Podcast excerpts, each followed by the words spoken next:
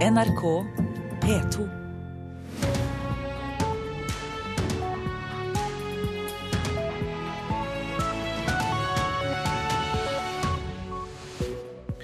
Og du får mer informasjon om lokomotivførerstreiken også her i eh, Nyhetsmorgen. Den private aktøren Rygge Airport får ikke overta Moss lufthavn Rygge nå. OPEC kutter i oljeproduksjonen. Hvilke virkninger får det for Norge? Vi spør eh, oljeanalytiker Tina Saltvedt, som kommer hit. Og nå står vi foran eh, fem cupfinaler. Det sier Lillestrøms sportslige leder, for nå må fotballaget vinne for å sikre fortsatt plass i Eliteserien. Først til Rygge Airport. Gruppen som kaller seg Rygge, Rygge Airport AS lykkes foreløpig ikke med å overta lufthavnen. Hovedeierne på Rygge, Orkla og Olav Thon, tror ikke på planene til det nye selskapet. Det sier kommunikasjonsdirektør i Orkla, Håkon Magedi. Dessverre så har vi fortsatt ikke fått noen uh, nye opplysninger som gjør at vi uh, kan tillate oss å være optimistiske. 1.11 legger Ryanair ned sin base på Rygge, noe som betyr at Moss lufthavn Rygge må stenge pga. manglende trafikk. For en måned siden kom den private gruppen Rygge Airport på banen og sa at de ville overta lufthavnen samtidig som Ryanair trakk seg ut, slik at mange av de ansatte kunne beholde jobben. Men Håkon Magli i eierselskapet Orkla sier til NRK at gruppen Rygge Airport ikke har gitt gode nok svar på hvordan de skal drive lufthavnen planen videre? Vi ønsker informasjon om eh, de har en kapitalbase, om de har en forretningsplan og om de har en kundestruktur. Dessverre så har det altså ennå ikke kommet noen eh, opplysninger på bordet som gir oss svar på disse tre forholdene. Dette er en henstilling til alle reisende av sikkerhetsmessige hensyn ber vi dere på Moss Rygge har gitt et millionoverskudd etter at Ryanair etablerte basen der i 2010, og går med overskudd inntil den stenger i november. Direktør ved lufthavnen, Pål Tandberg, mener Rygge bare kunne overleve med et stort flyselskap som ikke er på Gardermoen. Nei, Vi er jo en såkalt sekundærflyplass som det er veldig mange av i, i Europa. Og Det som kjennetegner de er at de har et lite hjemmemarked. Vi har Østfold maks en halv million reisende. Og så får, er man helt avhengig av en aktør som da eh, klarer å selge billetter billigere enn på hovedflyplassen. Og det er bl.a. spørsmålet om hvordan det nye selskapet Rygge Airport tenker å skaffe en erstatter for Ryanair, som eierne Orkla og Thon ikke mener de får noe svar på og som de mener bør kunne besvares. Daglig leder i den private grupperingen Rygge Airport, Knut Ragnar Johannessen, er overrasket over at prosessen nå stanses, og mener at de har informert så langt de kan om sine planer. For vårt vedkommende så handler det da om at eh, vi må sette oss ned og snakke sammen. Hvis eh, Orkla da har spørsmål som de ønsker å ta opp med oss, så er jo det supert. Og da skal vi etter beste evne forsøke å svare på det. Men i Orkla har de altså en annen versjon. Foreløpig så har denne grupperingen ikke besvart våre spørsmål. Reporter her var Lars Håkon Pedersen. Medlemslandene i Organisasjonen for oljeproduserende land, OPEC, skal være enige om å kutte oljeproduksjonen med drøyt 700 000 fat per dag. Det melder flere medier etter det uformelle OPEC-møtet i Algerie. Ifølge Reuters går enigheten ut på å kutte den daglige produksjonen fra dagens 33,24 millioner fat til 32,5 millioner fat. Og Tina Saltvedt, oljeanalytiker i Nordea, god morgen til deg. God morgen. Eh, var det en overraskelse for deg og markedene, dette kuttet? Ja, det kom som en overraskelse at det kom en avtale med et kutt nå. Eh, vi hadde nok heller ventet at det kom i november, når kartellet har et offisielt møte. Og det ser vi også på oljeprisen. Den har jo steget med over 6% fra det laveste nivået i går. Så dette tok eh, markedet med, med god stemning og en stor overraskelse. Men det var altså et uformelt OPEC-møte, står det i meldingene her. Hvor konkret er da avtalen? Ja, Det er det som er vanskelig å tolke denne avtalen helt med sikkerhet. Fordi den gir ikke et helt godt mål på hvor mye de faktisk har tenkt å kutte. Den har antydet hvor mye de har tenkt å kutte, men det er stor forskjell på det laveste nivået, som er rundt 250 000 fat, til det høyeste på rundt 750 000 fat av de 96 millionene vi bruker til vanlig. Eh, slik at vi vet ikke helt hvordan avtalen vil se ut. Vi vet heller heller ikke hvem som skal kutte, og hvor mye som skal kuttes. Eh, det sies jo at eh, bl.a. Iran eh, og land som Libya og ikke minst Nigeria, som har hatt store produksjonsproblemer den senere tiden, skal holdes utenfor avtalen. Iran som følge av at sanksjonene mot landet er fjernet og ønsker å bygge opp økonomien sin. Så vi vet ikke helt hvordan det vil se ut. Det er litt ulike tolkninger av denne avtalen så langt. Når de eventuelt skal holdes utenfor, vi vet ikke helt da, så er det kanskje først og fremst Saudi-Arabia som kutter? Ja, Det blir nok Saudi-Arabia uansett som må ta den største støyten her. fordi at det er det landet eh, i OPEC-kartellet som produserer aller mest. Det er også de som har økt mest den senere tiden. Og det gjør også at det er de som må ta, den, ta det største kuttet. Og det er jo også Saudi-Arabia som er det eneste landet som fungerer som en svingprodusent, som øker produksjonen når de ønsker å eh, sette ned prisene, og kutte produksjonen når prisene skal opp. Så det er de som tar tak her, og det er de som er nødt til å gjøre jobben. Så kommer det uunngåelige spørsmålet hva betyr det for norsk oljeproduksjon? Ja, det er ikke tvil om at eh, mange ønsker nå at eh, oljeprisen skal videre opp. Denne usikkerheten som er rundt denne avtalen har jo økt oljeprisen noe, men vi skal huske på at fremdeles ligger den på det samme, innenfor det samme nivået, altså mellom 45 og 50, som den har gjort siden april. Så dette er ikke nok til å, å gjøre norsk oljeproduksjon eh, trygg og sikker igjen. Så det må mer til, det må nok et større kutt til og mer sikkerhet rundt avtalen før vi kan se at oljeprisen går opp mot 60 dollar, som man faktisk trenger for at de fleste produksjonsprosjektene her skal bli lønnsomme. Takk skal du ha, Tina Saltvedt, oljeanalytiker i Nordea. Ja, vi har altså hørt i Dagsnytt at det er passasjerene som skal inn til Oslo i morgentimene som blir hardest rammet når 71 lokomotivførere tas ut i streik, og striden gjelder kravet til innholdet i lokførernes utdanning. Og vi understreker at det ikke gjelder Flytoget, det kjører som normalt, men det rammer altså NSB. Og pressekontakt Håkon Myhre der, hvilke virkninger får det for publikum? Nei, Det får de virkninger at det blir innstilte tog. Det er helt korrekt. Streiken er et faktum, og det forholder NSB seg til. Eh, innstilte tog på lokaltog inn og ut av Oslo. Eh, mellom Asker Lillestrøm og mellom Ski og Stabekk i hovedsak. Hvor mange tog blir rammet i forhold til hva man vanligvis eh, kjører?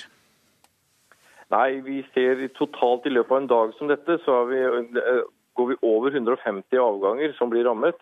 Eh, og det er klart at Et tog med én lokfører kan jo kjøre fort en to-tre avganger i løpet av sitt skift, og kanskje mer enn det. Men eh, for oss så er det viktig å si at det er mange kunder som vil bli stående på perrong og måtte vente til neste tog kommer, og da kommer det et tog med mange mennesker i. Ja, og Kan de da risikere å bli avvist fordi toget er for fullt? Det kan de, det er ikke noe tvil om det. for vi, Sikkerheten alltid, kommer alltid først for oss. så det er ikke sånn at vi kan garantere plass, men vi ser at det skal mye til for at det blir så fullt at vi ikke klarer å få med de fleste. Når det har vært problemer med trafikkavviklingen tidligere, så har jo dere inngått en avtale med Flytoget om at folk kan hoppe på der. Også i dag, er det mulig? Ja, vi, eh, vi, kunne ha gjort det, men dette er en lovlig streik. Og da gjør ikke vi noe ekstratiltak verken mot eh, Ruter eller mot eh, Flytoget. Fordi eh, våre kunder må forholde seg til den streiken sånn som vi eh, skal. Fordi det er eh, måten man gjør det på når det er en lovlig streik. Så vi gjør ikke noen endringer på det. Men vi vet jo at det finnes muligheter til å, å områ seg. Og ta kontakt med Ruter, se og høre hva de har av busskapasitet mellom Lillestrøm og Oslo og mellom Ski og Oslo og se om man kan finne løsninger der.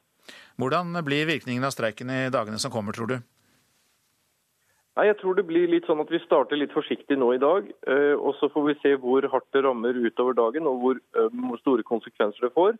Og så er det klart at Vi kjenner våre kunder godt, og de pleier å tilpasse seg det systemet som er, og forholde seg til spillereglene, sånn som vi også må. Men det er klart at det blir fullere tog. Det er det viktigste å, å formidle. Det blir mange mennesker på hvert tog. Og så håper vi at eh, partene i streiken kan komme til enighet så raskt som mulig, slik at vi kan kjøre tog på vanlig måte. Så understreker vi vel det da, Håkon Myhre, at noe buss for tog er ikke aktuelt i denne situasjonen? Det er helt riktig. Buss for tog er ikke en eh, problemstilling som diskuteres eh, i og med at dette er en lovlig streik. Takk skal du ha, pressekontakt i NSB Håkon Myhre. Så var det avisene. Mer disiplin, mindre bråk. Det er stikkord fra Aftenposten, som gjengir en studie som viser at lærerne er blitt betydelig bedre i klasseledere, og at det er mer ro enn før på ungdomsskolene. Norge har ikke råd til eget forsvar, sier pensjonert general Sverre Disen til Klassekampen.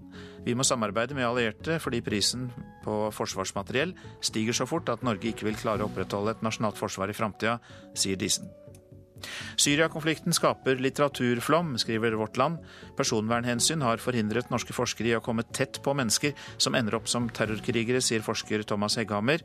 Men nå kommer bøkene som gir innblikk i hvorfor norske ungdommer ender opp som IS-soldater.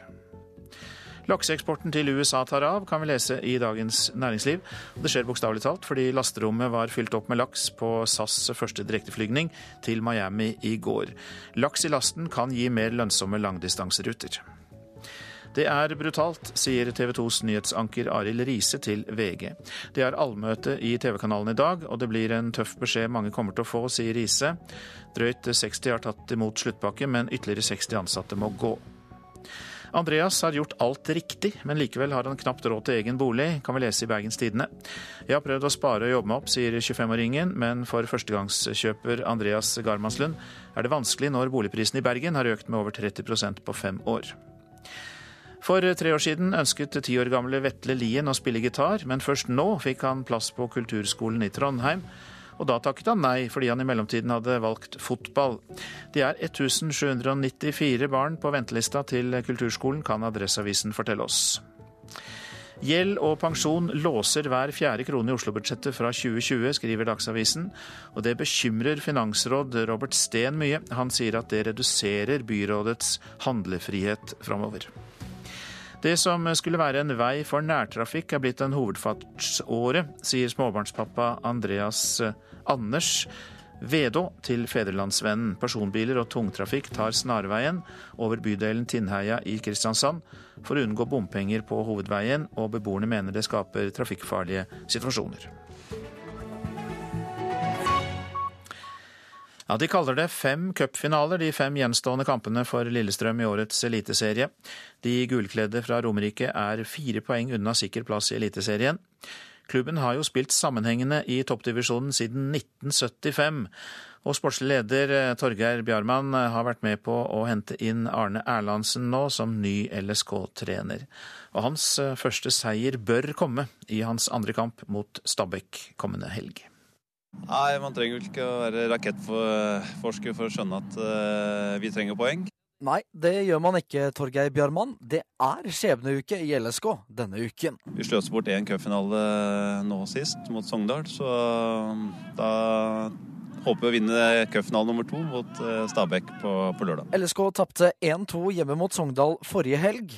Nei, det er jo en eh, trøblete situasjon. Det visste jeg også når jeg tok jobben. Det sier Arne Erlandsen, LSK-trener. Hvis vi skal tenke på hva som kan skje, så får vi et problem. Vi får tenke på hva vi kan gjøre noe med nå i treningshverdagen og opprettholde gode treninger. og Det syns jeg spillerne har vært med på å få til. Nå venter Stabæk på Nadderud. Fire poeng skiller lagene. Tap vil gjøre at varsellampene på Åråsen rødgløder. Vi får igjen fokusere på oss sjøl, og så får vi håpe at vi skal klare å matche Stabæk. Dommer Svein Edvardsen havnet i fokus sist. Dommeren vil ikke havne i fokus etter Stabæk-kampen, sier Erlandsen. Nei, jeg bryr meg ikke noe om dommere. Jeg bryr meg ikke noe om gule kort og karantener og skader. Vi må gjøre det beste ut av de midla vi har tilgjengelig i forhold til menneskelige ressurser. Og det gjør vi, og det gjør vi på jobben hver eneste dag. Så, og, og der skal jeg være med å bidra med det jeg kan. Og det var eh, Patrick Steen Rowlands som var reporter. Dette er Nyhetsmorgen. Klokka har passert 6.46, og vi har disse hovedsakene. Det er togstreik i dag fordi meklingen mellom Norsk Lokomotivmannsforbund og Spekter brøt sammen på overtid i natt. Nå på morgenen er det først og fremst flere av avgangene til lokaltogene inn mot Oslo som rammes. Vi understreker at flytoget rammes ikke. Medlemslandene i Organisasjonen for oljeproduserende land, OPEC, kutter oljeproduksjonen med 750 000 fat per dag. Oljeanalytiker Tina Saltvedt sa her i Nyhetsmorgen nettopp at det likevel ikke er nok til å få oljeprisen opp mot 60 dollar fatet. Den private aktøren Rygge Airport får ikke overta Moss lufthavn Rygge nå. De nåværende eierne tror ikke på planene til det nye selskapet. Irans tidligere president, den kontroversielle Mahmoud Ahmadinejad, vil gjerne bli president igjen. Ryktene begynte å gå da han så ut til å drive valgkamp med tanke på valget i mai neste år. Men nå har han fått beskjed om at han er uegnet som presidentkandidat, og det er fra uventet hold. Ahmadinejad han er vår Donald Trump, sier en iransk kommentator til NRK. Han begynte å røre på seg etter et par år utenfor rampelyset. Om Gud vil, har vi en lys fremtid i møte, sa Mahmoud Ahmadinejad til sine tilhengere i fjor. Men vi vil oppleve motgang og sataniske hindringer på veien. Ikke glem at USA er fienden vår, sa mannen som var Irans president i åtte år, fra 2005 til 2013. Og så, med ett var han høyt og lavt. Han snakket for studenter og deltok på arrangement rundt om i landet.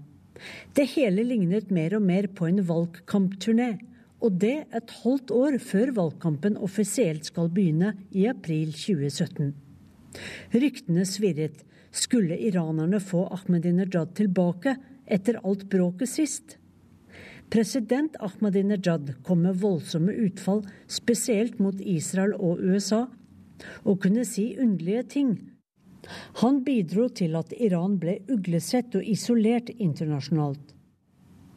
Den iranske middelklassen mener det er Ahmedinejads udiplomatiske og bøllete ordbruk mot Vesten og uviljen til å forhandle om atomprogrammet som er grunnen til at sanksjonene ble strammet inn og økonomien lammet. Han er vår Donald Trump, sier kommentator og økonom ved Al-Sahra-universitetet i Teheran, Hussein Ragfar, til NRK. Donald Trump is uh, nothing more than Ahmadinejad of the United States. Eller som politikerne her sier, Donald Trump er USAs Ahmadinejad. We have had a, a Iranian brand for international politics, Ahmadinejad.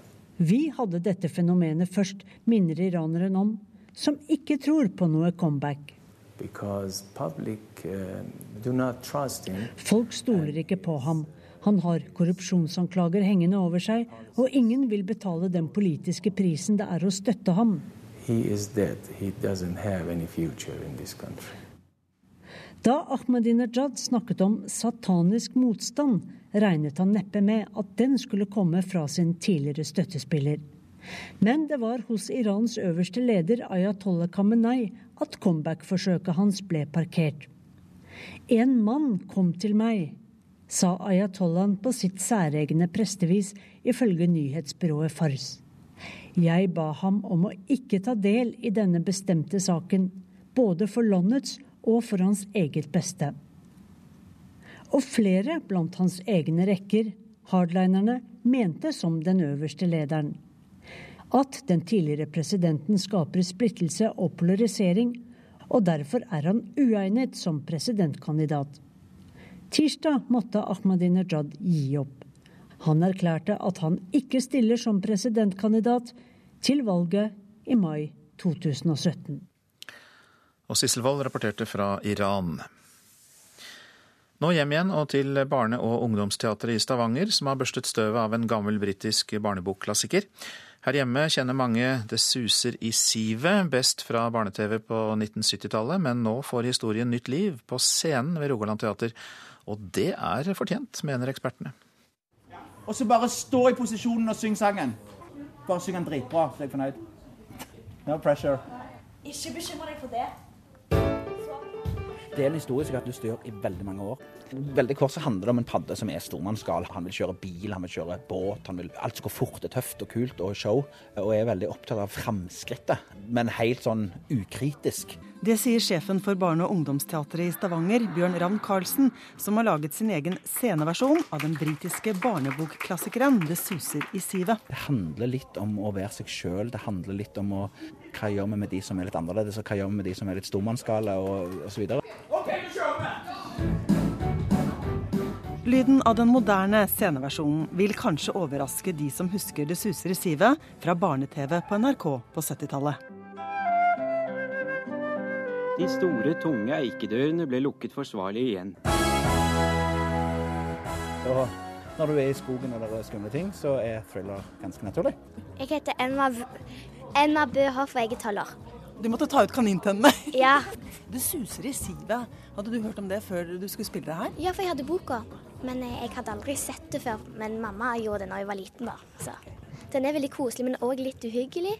I should like to say one word about our kind host, Mr. Toad. I Storbritannia er The Wind in the Willows, som den heter på originalspråket, en høyt elsket bok ifølge kåringer. Og det er laget flere filmer. Bring Kenneth Graham's family favorite to glorious life this autumn. Nå er også en ny musikalversjon på trappene. Men her hjemme er boka en hyllesliter, forteller barne- og ungdomsbibliotekar på Stavanger bibliotek, Eligunn Rønning Buvik. Unger nå til dags de skal ha Gutta i trehuset og Kaptein Supertruse, action og spenning. Og det har vært en sånn hyllesliter, og det er jo en klassiker. Så derfor så syns jeg det er veldig sprekt av Rogaland Teater å trekke den fram fra glemselen, for den fortjener å bli lest. At Rogaland Teater nå tar tak i den er morsomt, mener Brita Strand Rangnes, litteraturviter og førstelektor i engelsk ved Universitetet i Stavanger. Hvorfor skal vi sette opp Astrid Lindgren, hvorfor skal vi sette opp Ole Brumm, hvorfor skal vi sette opp noe barnelitteratur? Det er vel det man gjør med dem som er det spennende. Det er jo noe som eh, skal formidles til nye generasjoner. Og voksne vil også gjerne ha noe de kjenner igjen, og kjenner seg igjen i. Og reporter i Stavanger, Anette Johansen Espeland. Knallhard trening seks dager i uka i to år var det som skulle til for å komme gjennom nåløyet. For ca. en måned siden begynte 13 år gamle Elisabeth Væreide Dvergsdal fra Førde på talentlinja ved Ballettskolen ved Det Norske Opera og Ballett i Oslo. Så hvordan er det å flytte fra venner og kjente for å satse alt på dans? NRK har vært flue på veggen i en intens ballettime. Vi er inne i et øvingsrom på Operaen i Oslo. Utsikta mot fjorden gjennom store vindu er slående, men ingen ser den veien. Ca. 20 elever iført svart trikot og hvite strømpebukser følger nøye med og reagerer på det minste vink når danselærer Sandra Wiesner instruerer klassisk ballett. NRK sin utsendte reporter syns kanskje at instruktøren er litt streng med unge, lovende dansere som nettopp har flytta hjemmefra. Ja, men hun er ikke slem. Hun er veldig, veldig snill, og hun vil bare det beste for oss, liksom. Det sier 13 år unge og allerede ganske så profesjonelle Elisabeth Vereide Dvergsdal fra Førde. Hun innrømmer at det ikke bare har vært lett å flytte fra venner og kjente. Det har vært det vanskeligste å flytte fra venner og sånn, men jeg har fått veldig gode venner her òg nå. På veldig kort tid, og det er jeg veldig, veldig glad for. for hvis ikke så hadde ikke dette gått like bra, i hvert fall. Gode venner og god støtte er nok ganske viktig, for den hverdagen som Elisabeth har nå for tida, er ikke for hvem som helst. I tillegg til å gå på vanlig skole, så danser hun på operaen ca. sju timer hver dag. Og forventningene er skyhøye. Eh, man kan miste plassen sin eh, hvis man ikke får den utviklingen som vi krever og forventer hele veien. Er det et strengt regime? Eh, det er nok et krevende regime, i hvert fall. Krever eh, absolutt et talent og, og også mye arbeid. Det sier ballettskolesjef Knut Breder.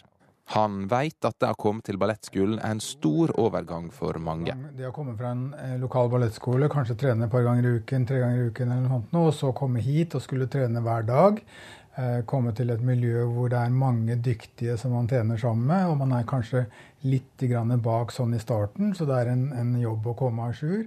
Og Elisabeth fikk så absolutt kjenne på at det var et hopp nivåmessig å komme til operaen. Jeg fikk sjokk første gangen jeg kom hit, men nå har jeg òg forbedra meg veldig masse, mener jeg. Og jeg tror mange andre òg har sett det. Så det handler egentlig mest om mengder på trening ja. som var det tøft å komme hit og se at nivået er såpass høyt som det? Det var veldig tøft. Utfordringene ser så langt ut til å inspirere mer enn det motsatte, og Elisabeth er ikke av typen som misser motet. Jeg elsker å danse, så det er egentlig bare det. Er det noen dager du blir litt sånn oppgitt og tenker at dette går ikke? Eh, ikke nå, fordi nå har jeg kommet til en helt ny plass, og det er så masse som skjer hele tida. Men hvis jeg jeg tviler på at det skjer, men hvis jeg en dag er veldig sliten, så mister man kanskje litt motivasjonen. Men det håper jeg ikke skjer, for jeg liker meg veldig godt her. Sjansene for å ende opp som en som lever av å danse på Det Norske Opera og Ballett, er jo i utgangspunktet ikke så god. Av våre elever så er det vel kanskje én av ti eller noe sånt noe som greier å komme Når de er kommet så langt som henne nå. Dette er altså de oddsa hun får av ballettskolesjefen. Sjøl så har hun beina ganske så godt planta på bakken. Men jeg gjør mitt beste i treningene, treningene. Og prøver å ta til meg det treneren sier til meg. Og jeg prøver egentlig bare akkurat nå å bli så god som jeg kan bli.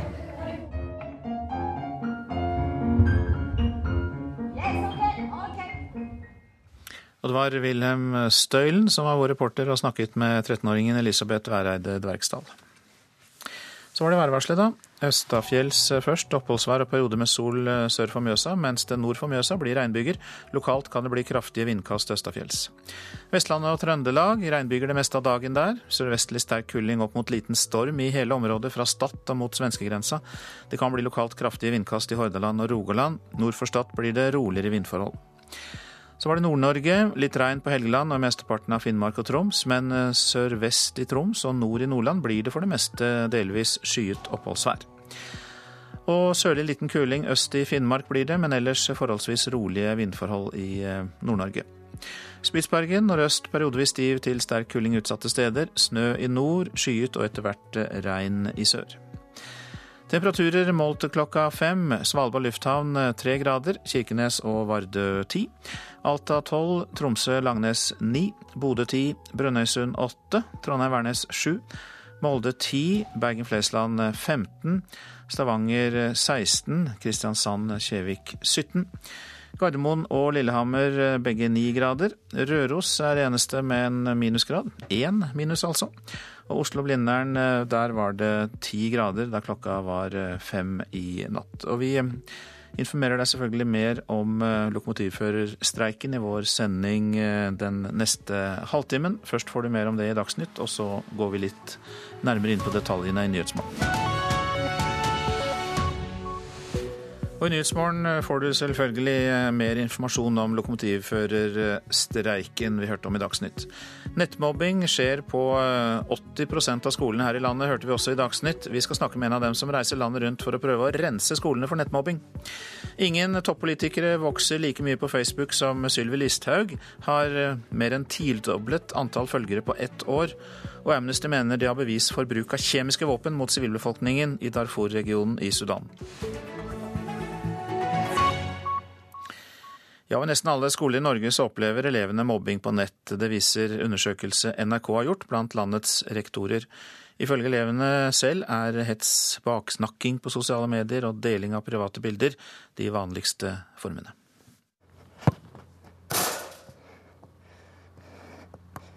En 15-åring og én fotball. Uh, uten fotball så tror jeg ikke hadde klart meg. Nesten hele livet har Jens Christian Heistad blitt mobba. Utestenginga og truslene han opplevde på skolen, ble med han hjem fra sjette klasse da han fikk mobiltelefon med Facebook, Instagram og Snapchat. Ofte så kom det et svart bilde hvor de hadde skrevet uh, forskjellige ting. At uh, de skulle ta meg, eller hvor stygg jeg var, og at uh, jeg ikke burde leve, at jeg burde gå og henge meg. Liksom. Du føler deg liten. Du føler deg lite verdt, og du tror jo på alt det de sier. Over halvparten av norske tenåringer har blitt hetsa eller opplevd at andre tok skjermdump eller delt private bilder av dem på sosiale medier. Det viser en undersøkelse Norstat har gjort for NRK. Man kan rett og slett oppleve å ha mindre kontroll over det enn tidligere. Det er vanskeligere å skjerme seg for det. Psykolog Aksel Inge Sinding hjelper ofte unge og voksne som sliter psykisk etter mobbing. Å oppsøke hjelp er viktig, sier han. Man må rett og slett støtte dem, snakke med dem, vise dem at det ikke er deres skyld at de blir mobbet på den måten. Og så kan man også innføre tiltak, f.eks. å redusere bruken av disse kanalene. Det er også mulig å sperre seg. Slettmeg.no fra Datatilsynet f.eks. er en glimrende tjeneste for det. Og så gjelder det rett og slett å koble inn personer som kan hjelpe til å redusere mobbingen. Blant de er skolen. NRK har spurt 1000 skoler over hele landet om nettmobbing, og 80% av rektorene sier det foregår blant deres elever. Oftest blir det løst ved samtaler med elever og foreldre, og vedtak om å følge opp saken videre. Gjør skolene nok? Vi kan selvfølgelig alltid gjøre mer, og vi kan gjøre ting bedre. Og Det strever vi etter hver eneste dag, men vi syns det er krevende. Sier Jon Isebakke i Skolelederforbundet. Først og fremst så handler det mye om at grenseskillet mellom skole og hjem viskes litt ut. Og at det foregår i det skjulte på arenaer som vi kanskje ikke kjenner godt nok. Han mener bedre samarbeid med foreldre, idretten og kulturen, og det å lære barna nettvett må til for å få bukt med mobbinga. For Jens Christian tok netthetsen endelig slutt da familien tok kontakt med politiet. Det kunne endt så mye verre. Jeg sleit med depresjoner og sto eh, med et tau i hånda under et tre.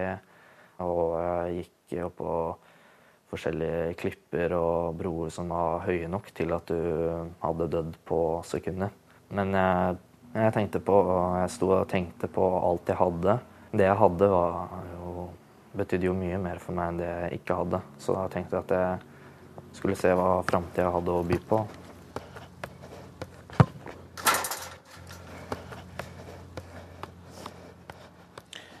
Og reporteren vi hørte her, var Marit Gjelland, som også fikk hjelp av Ingrid Tinnmannsvik, Helge Karlsen og Anna Rydland Nærum. Senere i dag samles 6000 sjette- og sjuendeklassinger i Oslo for å lære om nettvett i regi av Bruk Hue-samarbeidet som altså er et samarbeid mellom Røde Kors, Telenor, Medietilsynet og Barnevakten. Også andre steder i landet samles barn i forbindelse med denne såkalte Bruk hue-dagen. Men her i studio har du kommet, Ole Roger Westøyl, velkommen. Jo, takk. Du reiser jo landet rundt. Eh, jeg sa du reiser rundt for å prøve å rense skolene for mobbing. Det er kanskje en, en veldig høy ambisjon, men eh, det er vel egentlig det du prøver på? Ja, Det er jo et mål for oss da, å, å, å, utrydde nettmobbing. Ehm, så, så det, er, eh, det, er, et overordna mål. Eh, men hverdagen vår er jo selvfølgelig også å sette fokus og lys på, eh, på det som har med nettmobbing å gjøre, og, så, og lære ungdom at det her kan få konsekvenser. Og du møter ungdommene, hva forteller de deg? De forteller ganske mye. Vi har jo nesten daglige samtaler med, med, elever som kommer bort og forteller at det er eh, et tøft liv for veldig mange der ute. At de opplever å bli mobba, utestengt, eh, ikke ta del i eh, den digitale hverdagen som andre elever får, osv.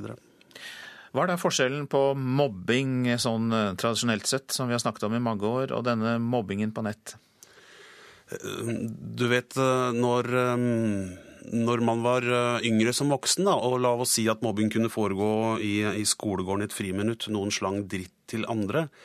Ehm, det var jo aldri noe hyggelig, det heller. Samtidig som at eh, den kommentaren, den, den, forsvant jo.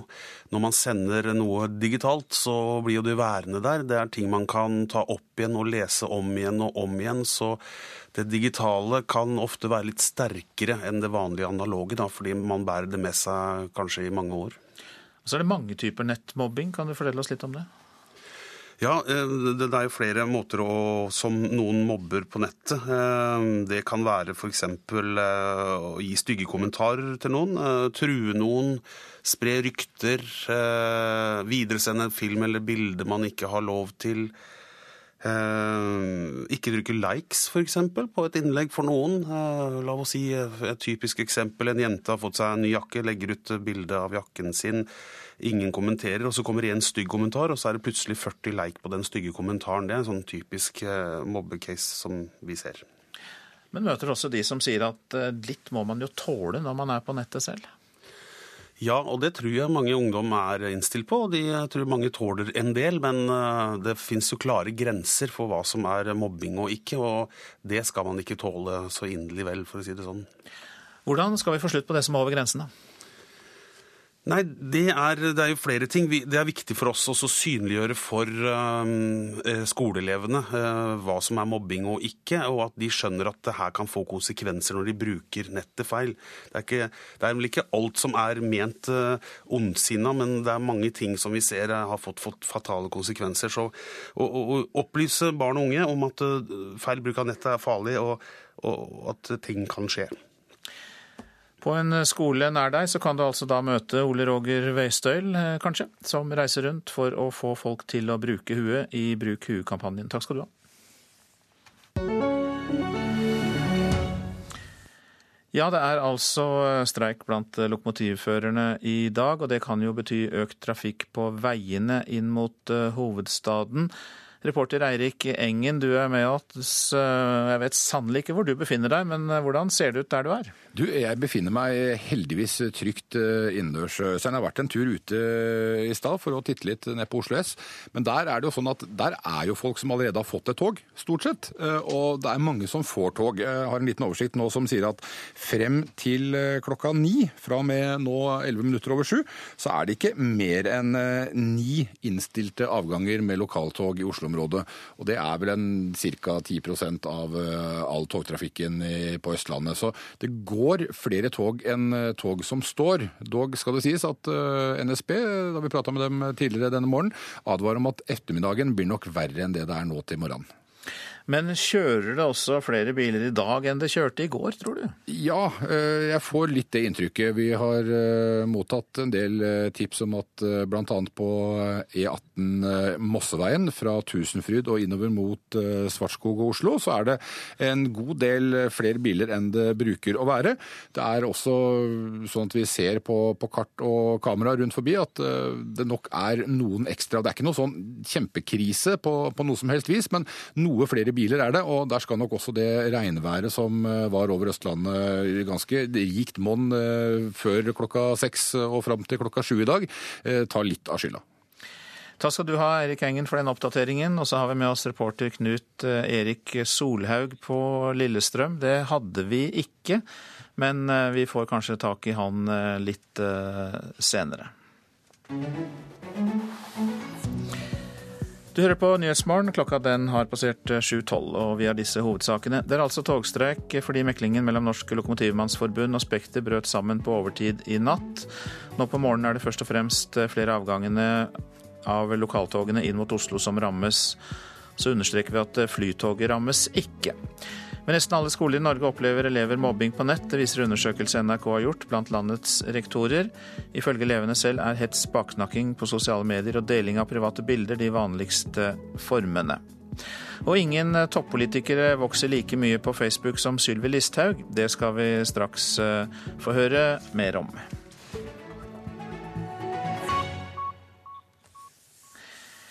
Og eh, da er det nettopp Listhaug vi tar fatt i, fordi det tar av på Facebook for innvandringsministeren. Ingen andre norske toppolitikere har hatt like stor vekst det siste året.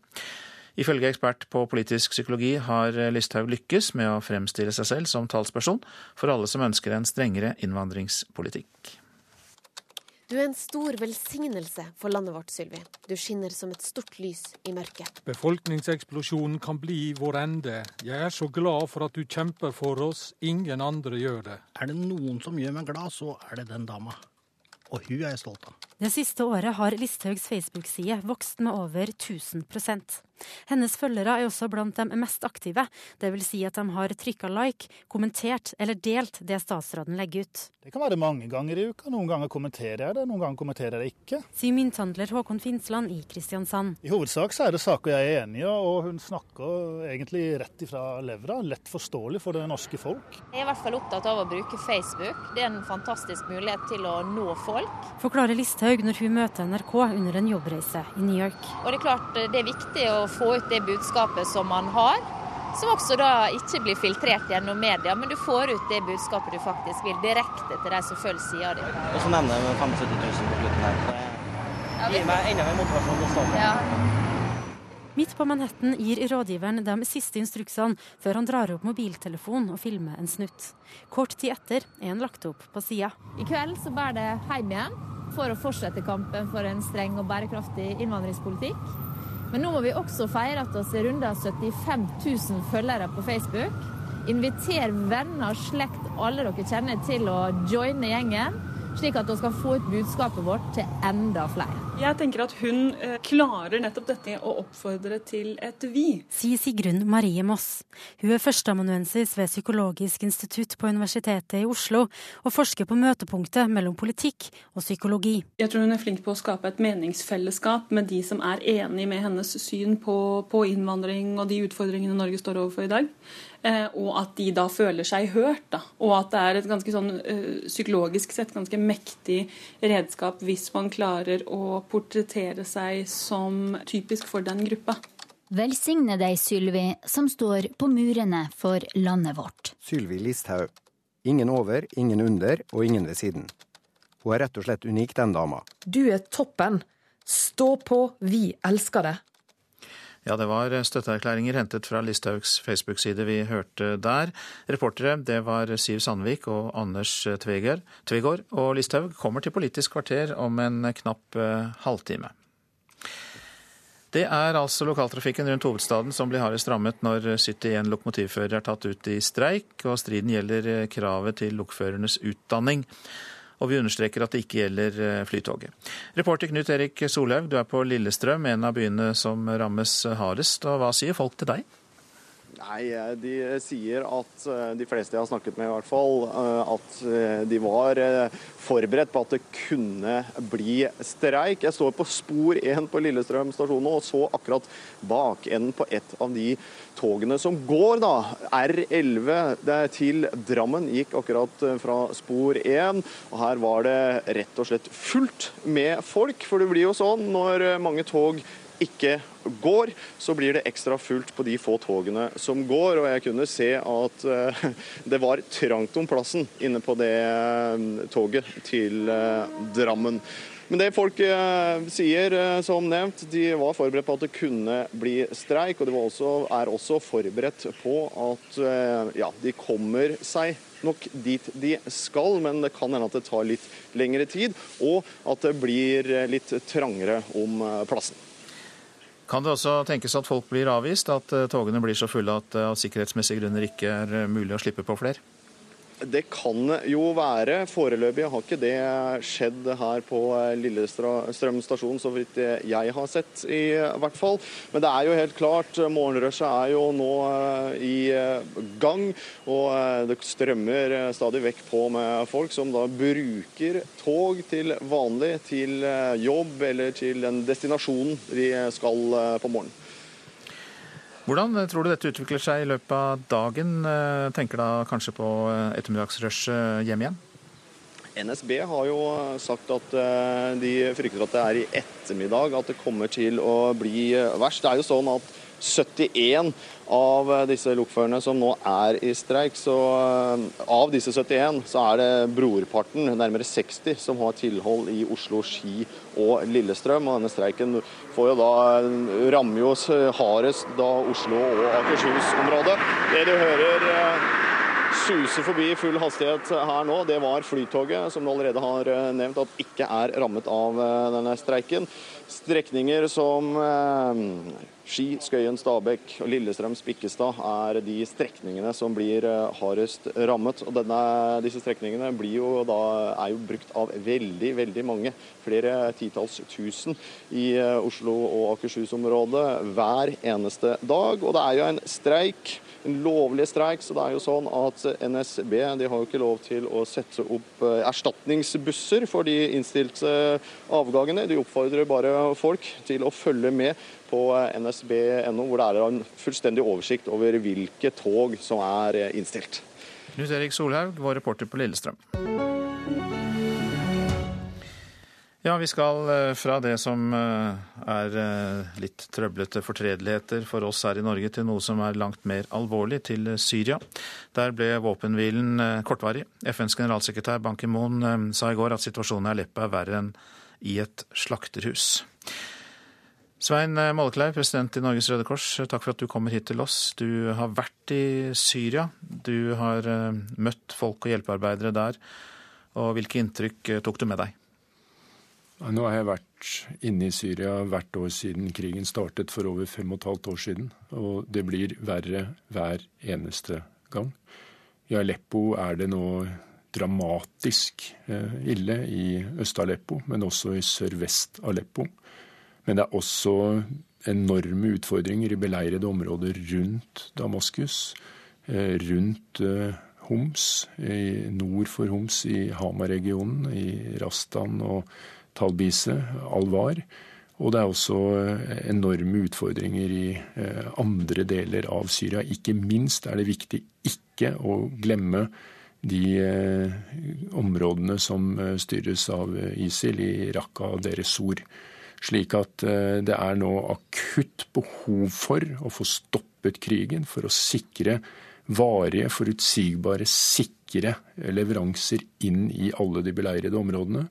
Jeg er glad for å si at uh, Internasjonale Røde Kors-komiteen og Syria Røde Halvmåne har kommet inn i alle de beleirede områdene, nå med unntak av Øst-Aleppo, hvor vi har våre lokale eh, frivillige fra Syria Røde Halvmåne til stede, men som trenger enormt eh, med medisiner, med mat, med medisinsk utstyr for å behandle de som nå er rammet, også ved at det nå er bombet hus, sykehus, bombet eh, ambulanser og hjelpearbeidere. Eh, slik, sånne slike enorme overgrep eh, og angrep på internasjonal, og brudd på internasjonal humanitærrett, det har man kanskje ikke sett eh, noen gang.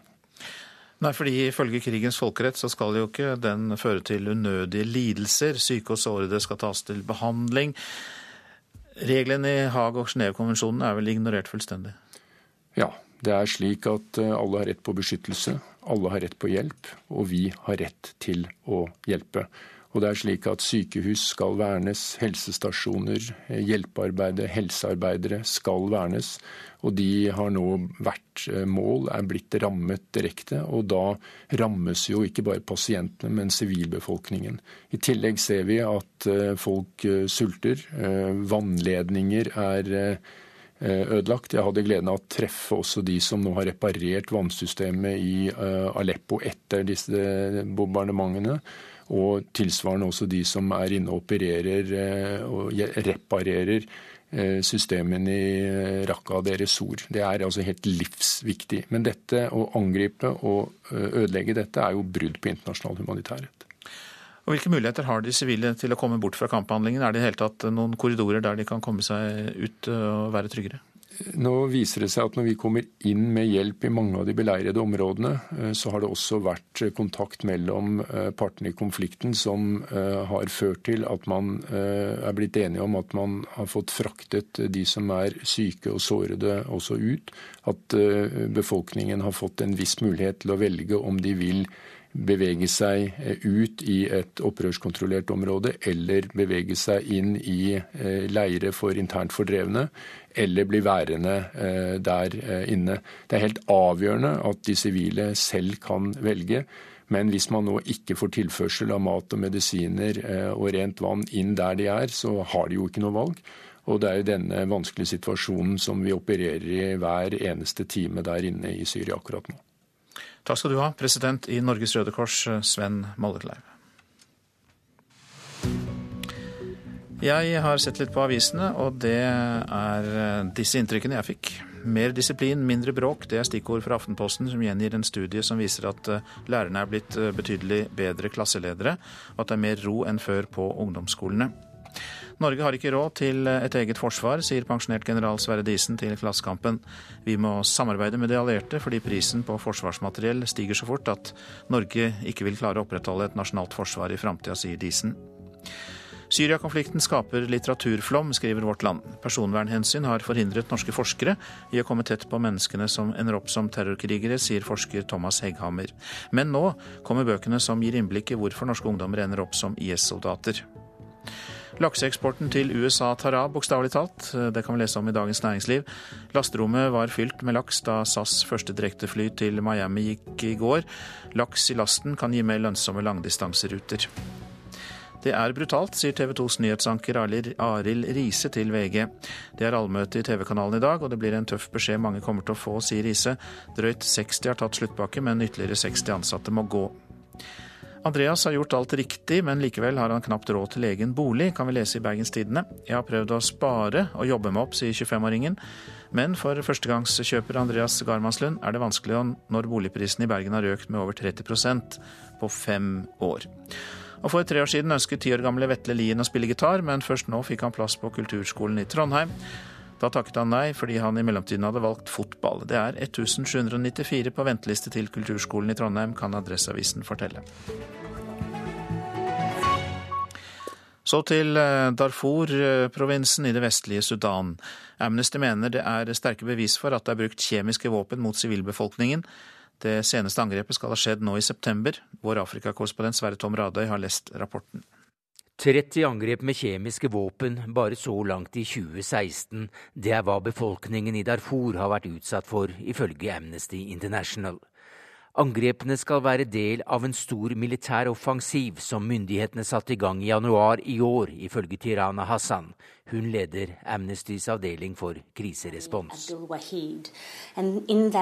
Launched uh, attacks from the air. They have launched horrific ground attacks, destroying villages, driving tens of thousands of people from their homes as well as credible evidence that have, there have been a number of chemical weapons attacks in the area. Dette opptaket er fra videoen som følger rapporten, der vi også får se effekten av bombenes giftige innhold med blemmer, ødelagt hud og hovne ansikter.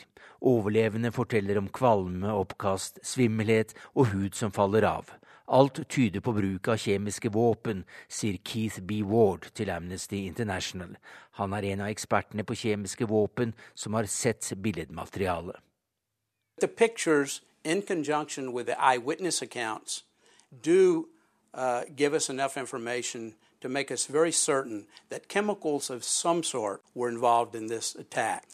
Darfur, et område av Sudan på størrelse med Frankrike, grenser til Libya, Tsjad, Den sentralafrikanske republikk og Sør-Sudan. Et urolig nabolag. Men det var fra Darfur de verste rapportene kom fra begynnelsen av 2000-tallet.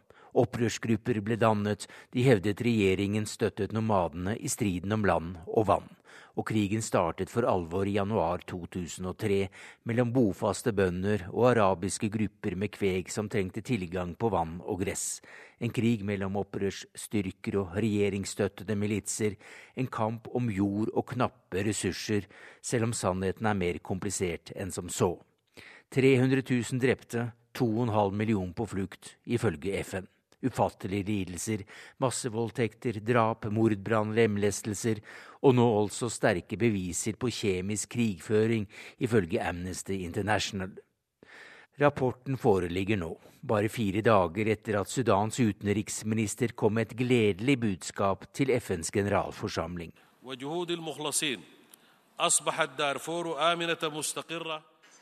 Mr. President, thanks to God and thanks to the determination of my country and the faithful people of Sudan, Darfur has become a safe region where peace and security have prevailed. Darfur er blitt en trygg region der fred og sikkerhet rår, sa utenriksministeren, og ba FN trekke seg ut av området og heller konsentrere seg om mer voldelige strøk i verden. Sannheten er altså en ganske annen, ifølge Amnesty International. Og du lytter til Nyhetsmorgen, produsent i dag Arild Svalbjørg, i studio Øystein Heggen. I Russland lurer kriminelle eldre og andre svakerestilte i samfunnet til å gi fra seg sine boliger. Mer om dette økende problemet i vårt store naboland i øst i reportasjen etter Dagsnytt.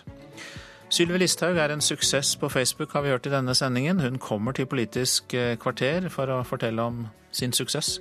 Og Oslo-budsjettet skal også opp til debatt der.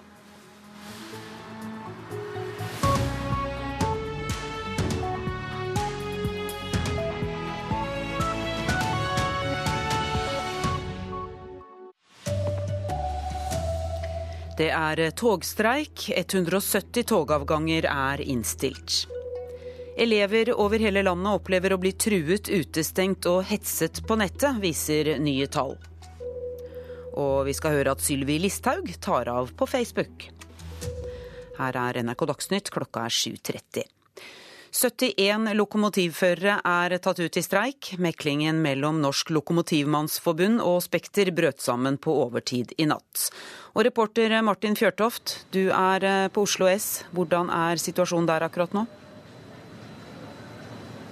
Ja, I avgangshallen på Oslo S så kunne jeg telle elleve innstilte tog for et øyeblikk siden. Nå er vi nede på perrong eh, nummer ti.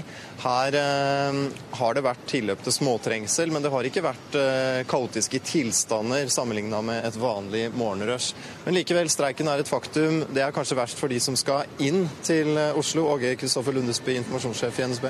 Det er den veien rushen går nå i morgentimene, slik at trykket kommer på utestasjoner Asker, Lillestrøm og Ski.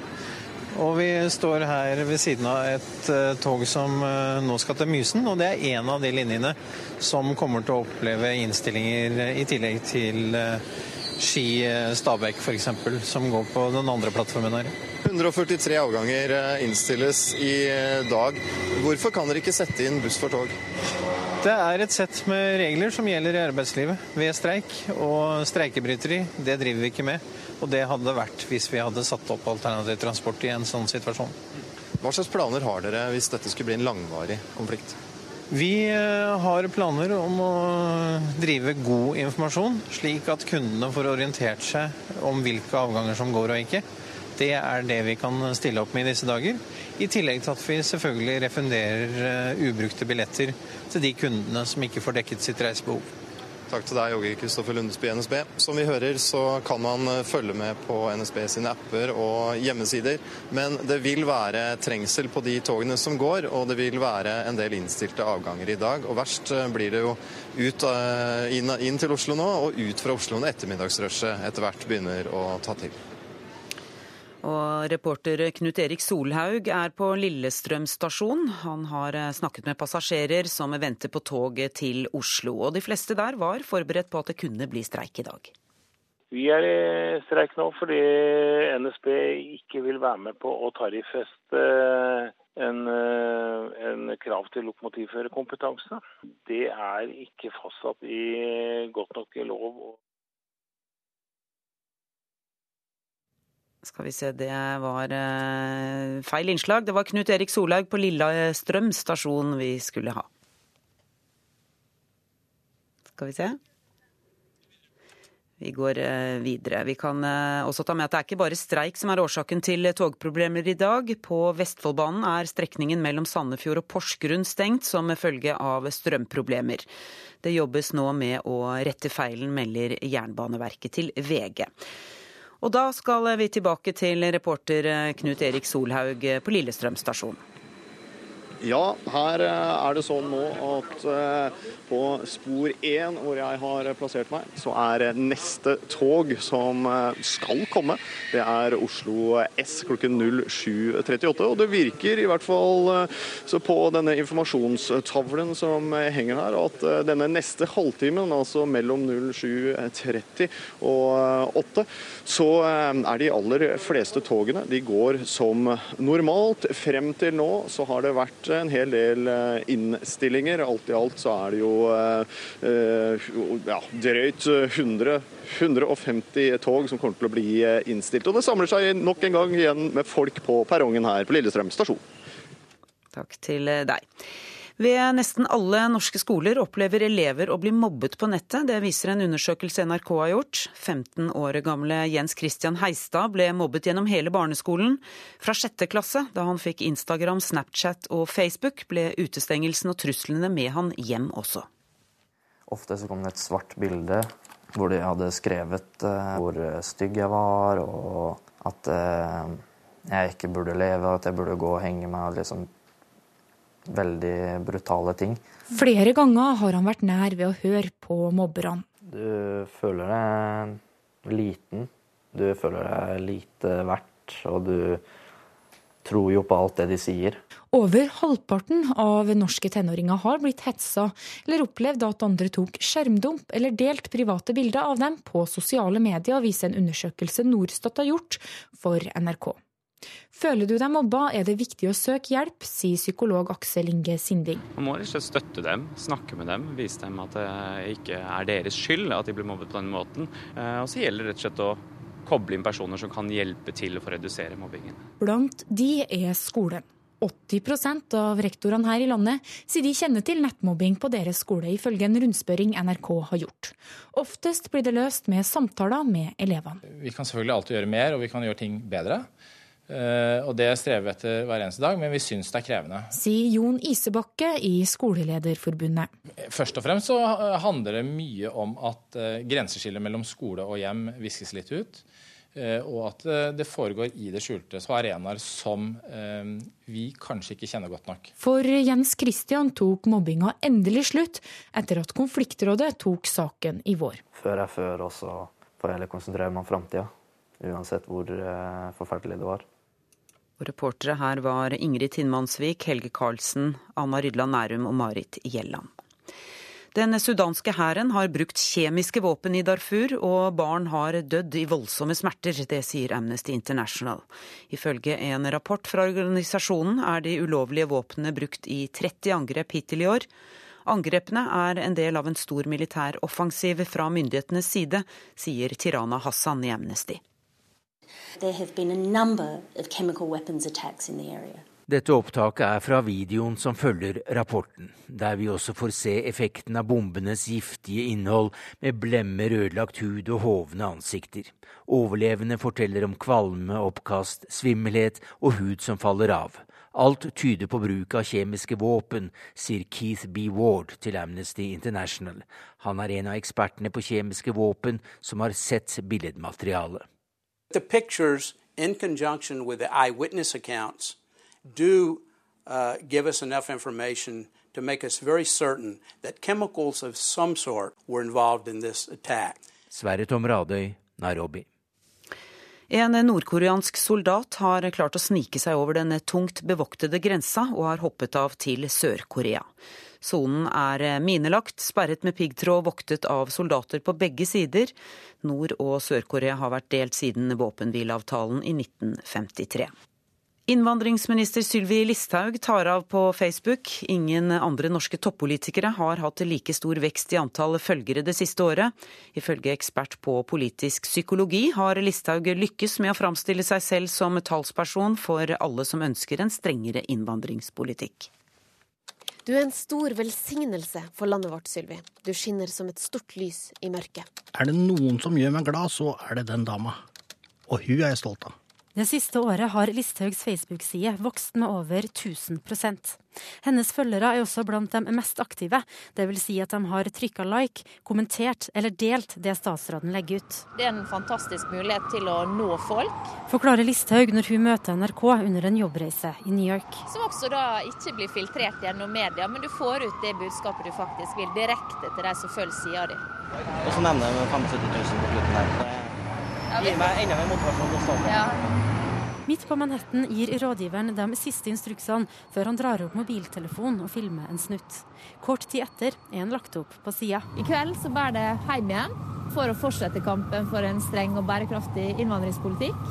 Men nå må vi også feire at vi runder 75 000 følgere på Facebook. Inviter venner, slekt, alle dere kjenner til å joine gjengen, slik at vi skal få ut budskapet vårt til enda flere. Jeg tenker at hun eh, klarer nettopp dette å oppfordre til et vi. Sier Sigrun Marie Moss. Hun er førsteamanuensis ved Psykologisk institutt på Universitetet i Oslo, og forsker på møtepunktet mellom politikk og psykologi. Du setter deg selv som representant for gruppa, og så får du med deg gruppa. Så du inviterer til dugnad for et felles ståsted. Så jeg tenker jo at fra et sånn ledelsesretorisk perspektiv, så er det lurt, da. Velsigne deg, Sylvi, som står på murene for landet vårt. Du er toppen. Stå på, vi elsker det. Ja, til slutt eh, hørte du støtteerklæringer hentet fra Listhaugs eh, Facebook-side. Reportere i dette innslaget var Siv Sandvik og Anders Tvegård. Ansvarlig for Dagsnytt denne morgenen er Sven Gullvåg. I studio nå Kari Ørstavik.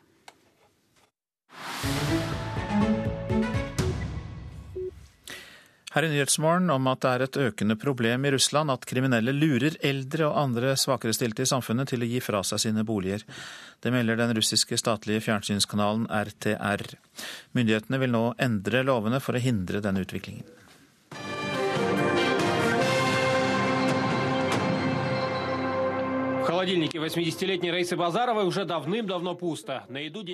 Den russiske fjernsynskanalen RTR har en egen avdeling for undersøkende journalistikk. I en større reportasje forteller en av journalistene om hva som skjedde med den 80 år gamle pensjonisten Raisa Bazarova i byen Orenburg. Hun ble lurt trill rundt av kriminelle som ville overta leiligheten hennes. For tre år siden tilbød en mann å gi Bazarova et lån på 300 000 rubler, eller om lag 38 000 kroner etter dagens kurs.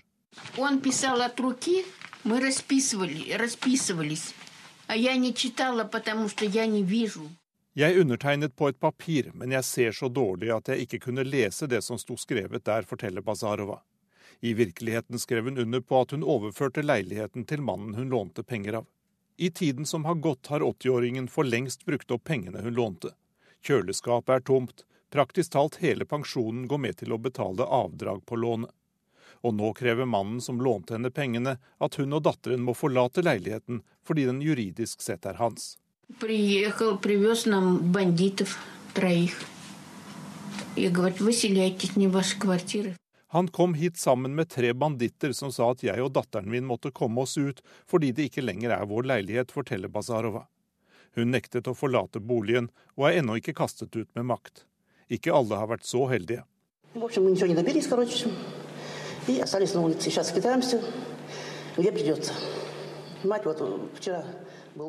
Olga Angelovskaja havnet på gata etter å ha lånt penger og undertegnet papirer hos den samme mannen.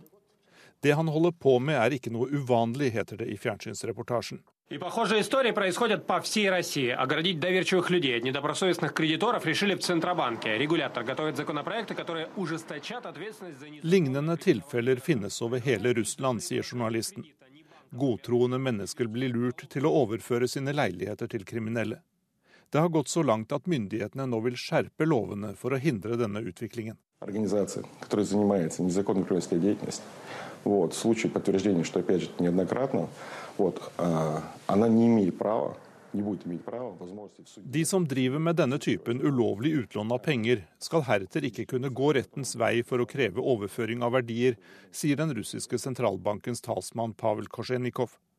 Alle som gir lån skal heretter ha tillatelse fra sentralbanken.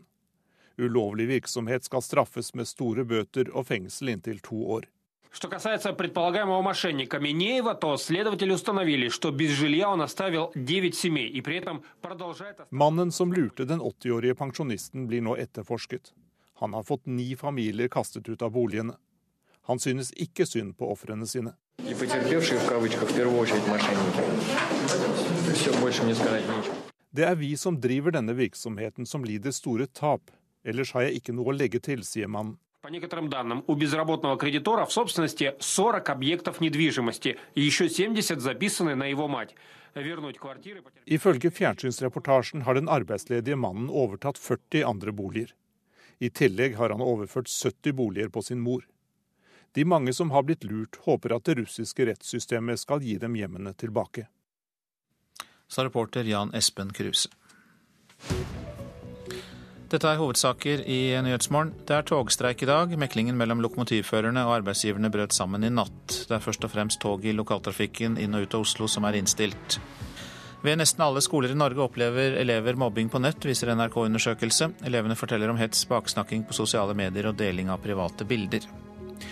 Ingen toppolitikere her i landet vokser like mye på Facebook som Sylvi Listhaug. Hun har mer enn tidoblet antall følgere på ett år. Den sudanske hæren har brukt kjemiske våpen i Darfur-regionen, og barn har dødd i voldsomme smerter. Det sier Amnesty International. Ifølge en rapport fra organisasjonen er de ulovlige våpnene brukt i 30 angrep hittil i år. Og så er det Politisk kvarter. I dag er Håvard Grønli programleder der.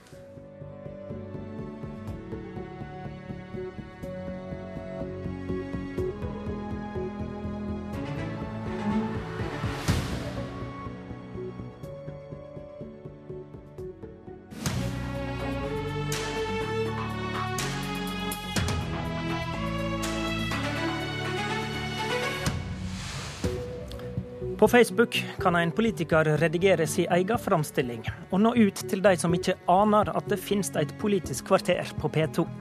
Sylvi Listhaug er blant de beste til å engasjere Facebook-velgerne. Er det bare bra? Vi snakker også om det rød-grønne Oslo-byrådet som la fram budsjett i går. De har støtte fra partiet Rødt, men nå kan det se ut til at den henger i en tynn tråd. Det er lykkelige omstendigheter på Sylvi Listhaugs Facebook-side. Av politikere på sosiale medium er hun den raskest stigende stjerna. Bare siste året har hun mer enn tidobla antall følgere, og hun og samferdselsministeren er de to med de mest aktive brukerne på sidene sine. Daglig får Listhaugs 75 000 følgere oppdateringer og videoer fra innvandringsministeren. Sylvi Listhaug, når du virkelig noen på Facebook som du ikke når her i Politisk kvarterstudio? Jeg tror nok det, for det er jo ikke sånn at alle der ute sitter og følger med på Politisk kvarter, Synd. eller Ja, det kan du si. Eller følger med på nettsider, eller følger med på hva som står i avisene hver dag. Her når han vanlige folk som kanskje ikke verken har interesse for eller tid til eh, å sitte og følge nyhetsbildet. Så det er klart det er en unik mulighet til å få ut informasjon. F.eks. denne uka når vi foreslo å øke eh, satsinga på ID-avklaring, historisk satsing på over 80 millioner, slik at vi kan få tatt flere av de som er her ulovlig, de som har falske identiteter. Eller eh, satsinga på UDI, 177 millioner, som da skal gå til f.eks. å eh, få ned saksbehandlingsbunkene og jobbe med tilbakekall av tillatelser, altså eh, avsløre de som har juksa seg til opphold til Norge. Så det er en fantastisk mulighet til å nå ut med budskapet. Og når du drar den lange leksa der, så brenner jeg etter å stille et motspørsmål, men det får du ikke på Facebook. Er det det som er viktig, å ha en kanal der den budskapen ikke blir forstyrra av sånne som meg? Nei, Det er en unik mulighet til å nå direkte ut til folk. Men i tillegg til det så er jo de ordinære mediene veldig viktige. Og Derfor så bruker jeg ofte å legge ut linker til saker som har stått i VG, eller er på NRK eller Dagbladet eller andre medier. Der folk kan få lese dem og kommentere dersom de ønsker det. Dele med sine venner og kjente hvis de ønsker det. Eh, Og da når man stadig flere. Så det er en fantastisk mulighet både til å dele det som står i de ordinære mediene, og komme med det budskapet en ønsker sjøl. Gunn Enli, du er professor ved Institutt for medier og kommunikasjon på Universitetet i Oslo. Listhaug er den politikeren som er mest seg sjøl på sosiale medier, har du faktisk forska deg fram til. Hvordan er det? Ja, i hvert fall så er det sånn det oppfattes av mennesker, av folk, av brukerne. Eh, Jeg har gjort en survey blant eh, norsk befolkning og spurt hvilken norsk politiker syns du er mest seg selv på sosiale medier. Og også spurt hvem eh, syns du er mest seg selv i eh, intervjuer med politiske journalister. Svaret på begge spørsmålene var Sylvi Listhaug. Og det er en suksessfaktor. Hvorfor det? Ja, det vil jo si at det å være seg selv, eller framstå som en politiker som man kan stole på, det betyr jo mer og mer fordi politikken blir mer personifisert. Eh, og når man er en eh, aktiv person som eh, Lysthaug på sosiale medier, så viser man flere sider av seg selv. og man bruker den muligheten det er til å framstå som et helt menneske, og ikke bare en politiker. Men du ser noen farer ved dette som skjer på, inne på ei Facebook-side. Hva er det vi skal være oppmerksomme på? Nei, altså Det å flytte veldig mye av den politiske debatten over på sosiale medier på bekostning av tradisjonelle medier, det er uheldig. Eh, I en tid hvor eh, mange nyhetsmedier i Norge sier opp redaksjonell eh, stab, eh, gjør jo at maktbalansen mellom politikere og journalister kan bli litt i ubalanse, eller at politikerne kan få eh, veldig mye makt til å påvirke velgere direkte gjennom sosiale medier, uten at man får den eh, kan du si, redaksjonelle prosessen som handler om eh, kritisk journalistikk, utvelgelse av saker, vinkling, perspektiver, og også en, et, et fokus på eh, balanse i framstillingen. Og, og sørge for at flere stemmer slipper til. Er de, er de Facebook-sider balansert, Listhaug? Der får jeg jo fram det budskapet som er, er viktig for meg. Og så er det jo sånn at det, man kan få på saker som man ellers ikke får ut. Det er jo en utrolig kamp om eh, oppmerksomheten når du er politiker. Det er en viktig del av jobben din å kommunisere ut hva du holder på med. Ser du de farene som Endelig peker på nå? Jeg ser på dette her som store muligheter. og Det som er en av utfordringene med de tradisjonelle mediene, er jo f.eks. det at veldig mange debattflater er forsvunnet. For en del år siden så var det mye mer politiske debatter både på TV og på radio. Nå har vi heldigvis Politisk kvarter, vi har Dagsnytt 18 og vi har noen debatter til, men det er blitt veldig mange færre. Og da, Derfor så er det så bra at politikerne får nye muligheter til å nå ut til folk. For ellers så ville det blitt ganske vanskelig, tror jeg, for Men mange. vi har jo hørt noen av eksemplene fra de Facebook-sider i dag der du nærmest får en sånn panegyrisk hylling. Det er jo noe annet enn det som skjer i våre studio. Ja, det kan ser, du si. Ser du, ser, du, ja. ser du noe av faren med det, som endelig peker på? Ja, altså, jeg, jeg får jo både ris og ros. Eh, jeg får mange hyggelige tilbakemeldinger, men jeg får jo også en del som er kan du si, ganske direkte på den andre sida.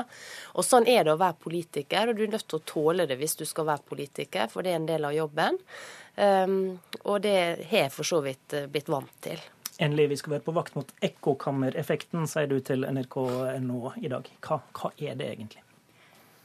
Nei, altså Dette handler jo om at hvis man bygger opp en stor eh, fanskare på sosiale medier som følger enkeltpolitikere og bruker mye tid på disse sidene, eh, så blir jo det ofte diskusjoner som er i en viss kontekst, og man eh, analyserer eh, alle saker, alle nyhetsoppslag, eh, alle hendelser ut ifra et visst eh, politisk syn. Og det kan jo være veldig bekreftende og veldig, veldig, deilig å være en del av. Altså Det gir veldig stort fellesskap, og jeg tror mange setter veldig stor pris på det. Og selv om ikke alle er enige og du også får motbør, så vil du også få mange som forsvarer deg igjen. Sånn at du har en slags fanskare som forsvarer deg. Eh, og, og det, det, gir også fellesskap mellom denne fansen. Eh, det som er fordelen med et variert og mangfoldig nyhetsbilde, er jo at man får vite litt om alt, og at man får saker fra ulike perspektiver. Eh, på slike nettforum eller Facebook-sider så kan det jo være at man får ensidig fokus på enkeltsaker og ensidig fokus på enkelte syn. Og at meningsbrytningen blir litt snever. Så det kan, kan, være et argument for at man ikke bare bør oppholde seg på eh, sosiale medier. Og så lover vi at neste gang du kommer hit, Sylvi Listhaug, skal du få enda mer motbør enn du fikk i dag. Takk til både deg og Gunn Enli.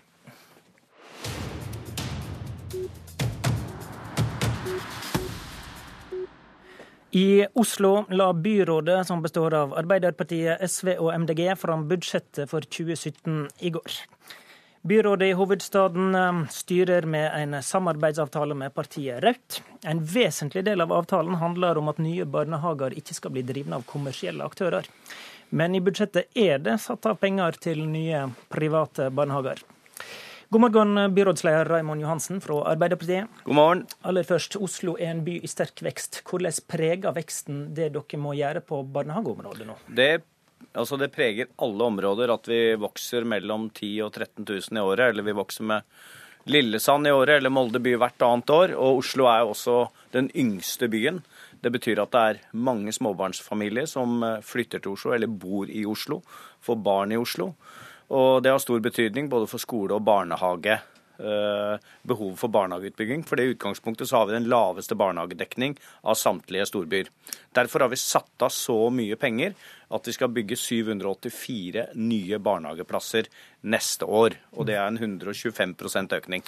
Vil noen av disse 784 komme til å være private barnehageplasser? Nå er det sånn, som du helt riktig sier, at vi har skrevet en avtale med Rødt Eh, hvor vi i utgangspunktet sier at vi ønsker For det første så har vi opphevet forbudet mot å bygge kommunale barnehager. Dvs. Si at vi hadde ønsket å bygge kommunale barnehager og private ideelle. Og så sier vi veldig også tydelig i denne avtalen at vi skal følge lover og regler. Så har vi fått både fra kommuneadvokaten og fylkesmannen, som er veldig tydelig på at vi ikke kan skille mellom private ideelle og private kommersielle. Ok, Du mener dere kan ikke skille dette. Betyr det da, jeg spør igjen, at det kommer til å komme nye private barnehager i Oslo neste år?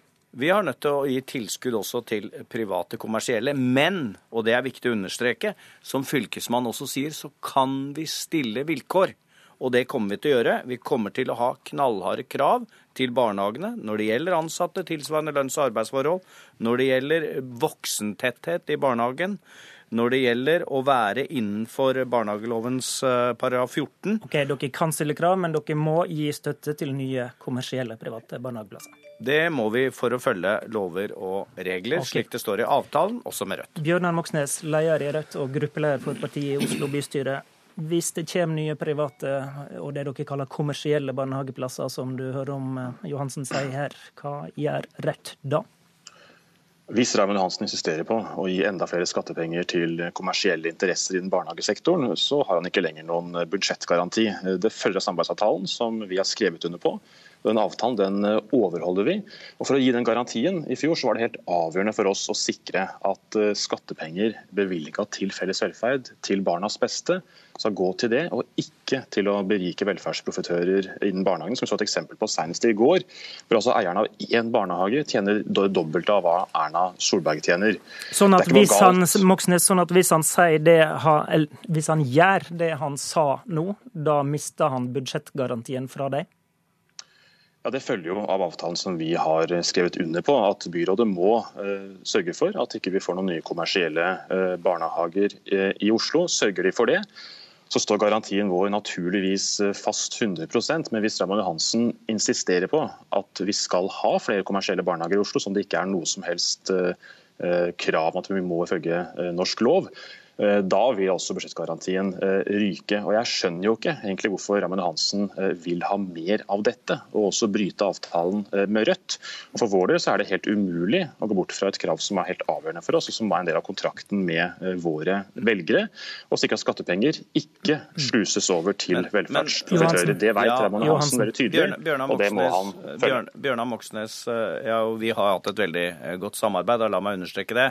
Men også så står det veldig tydelig i avtalen at vi skal følge lov og regelverk. Det har også partiet Rødt skrevet under.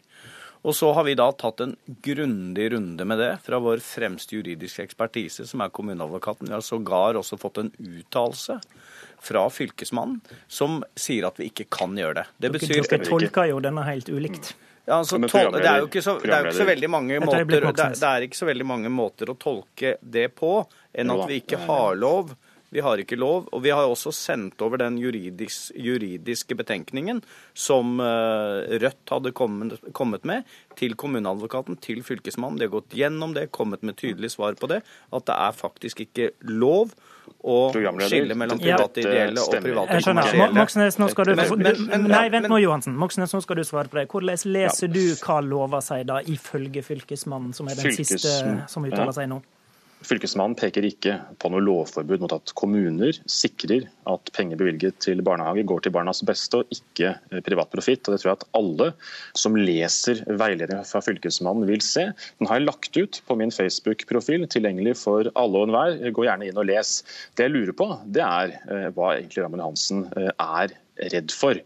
Vår jobb som folkevalgte er jo å sørge for at den politikken som flertallet er enige om, settes ut i livet og blir gjennomført. Og Det verste som kan skje, Raimond, er at en kommersiell aktør som blir misfornøyd fordi han får et avslag, sender en klage til Fylkesmannen. Det ja, vil, vil du ha en rettslig avklaring på dette du da, Moxnes, i rettsapparatet? Vet du hva? Det er snakk om en klage til Fylkesmannen, som er worst case hvis vi følger avtalen og følger politikken som vi er blitt enige om.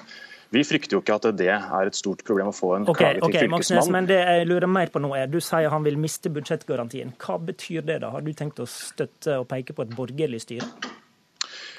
Altså, Det er jo et uh, ekstremt vanskelig uh, dilemma for oss. Uh, på den ene sida vil vi jo ikke ha tilbake et borgerlig styre som vi ble kvitt etter 18 lange år.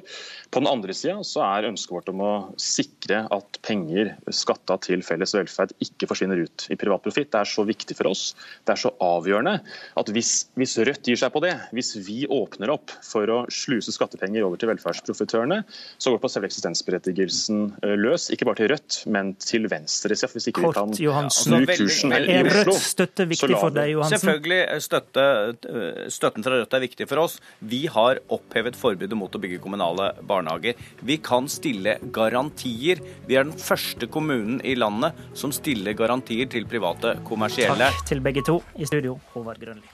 Hør flere podkaster på nrk.no podkast.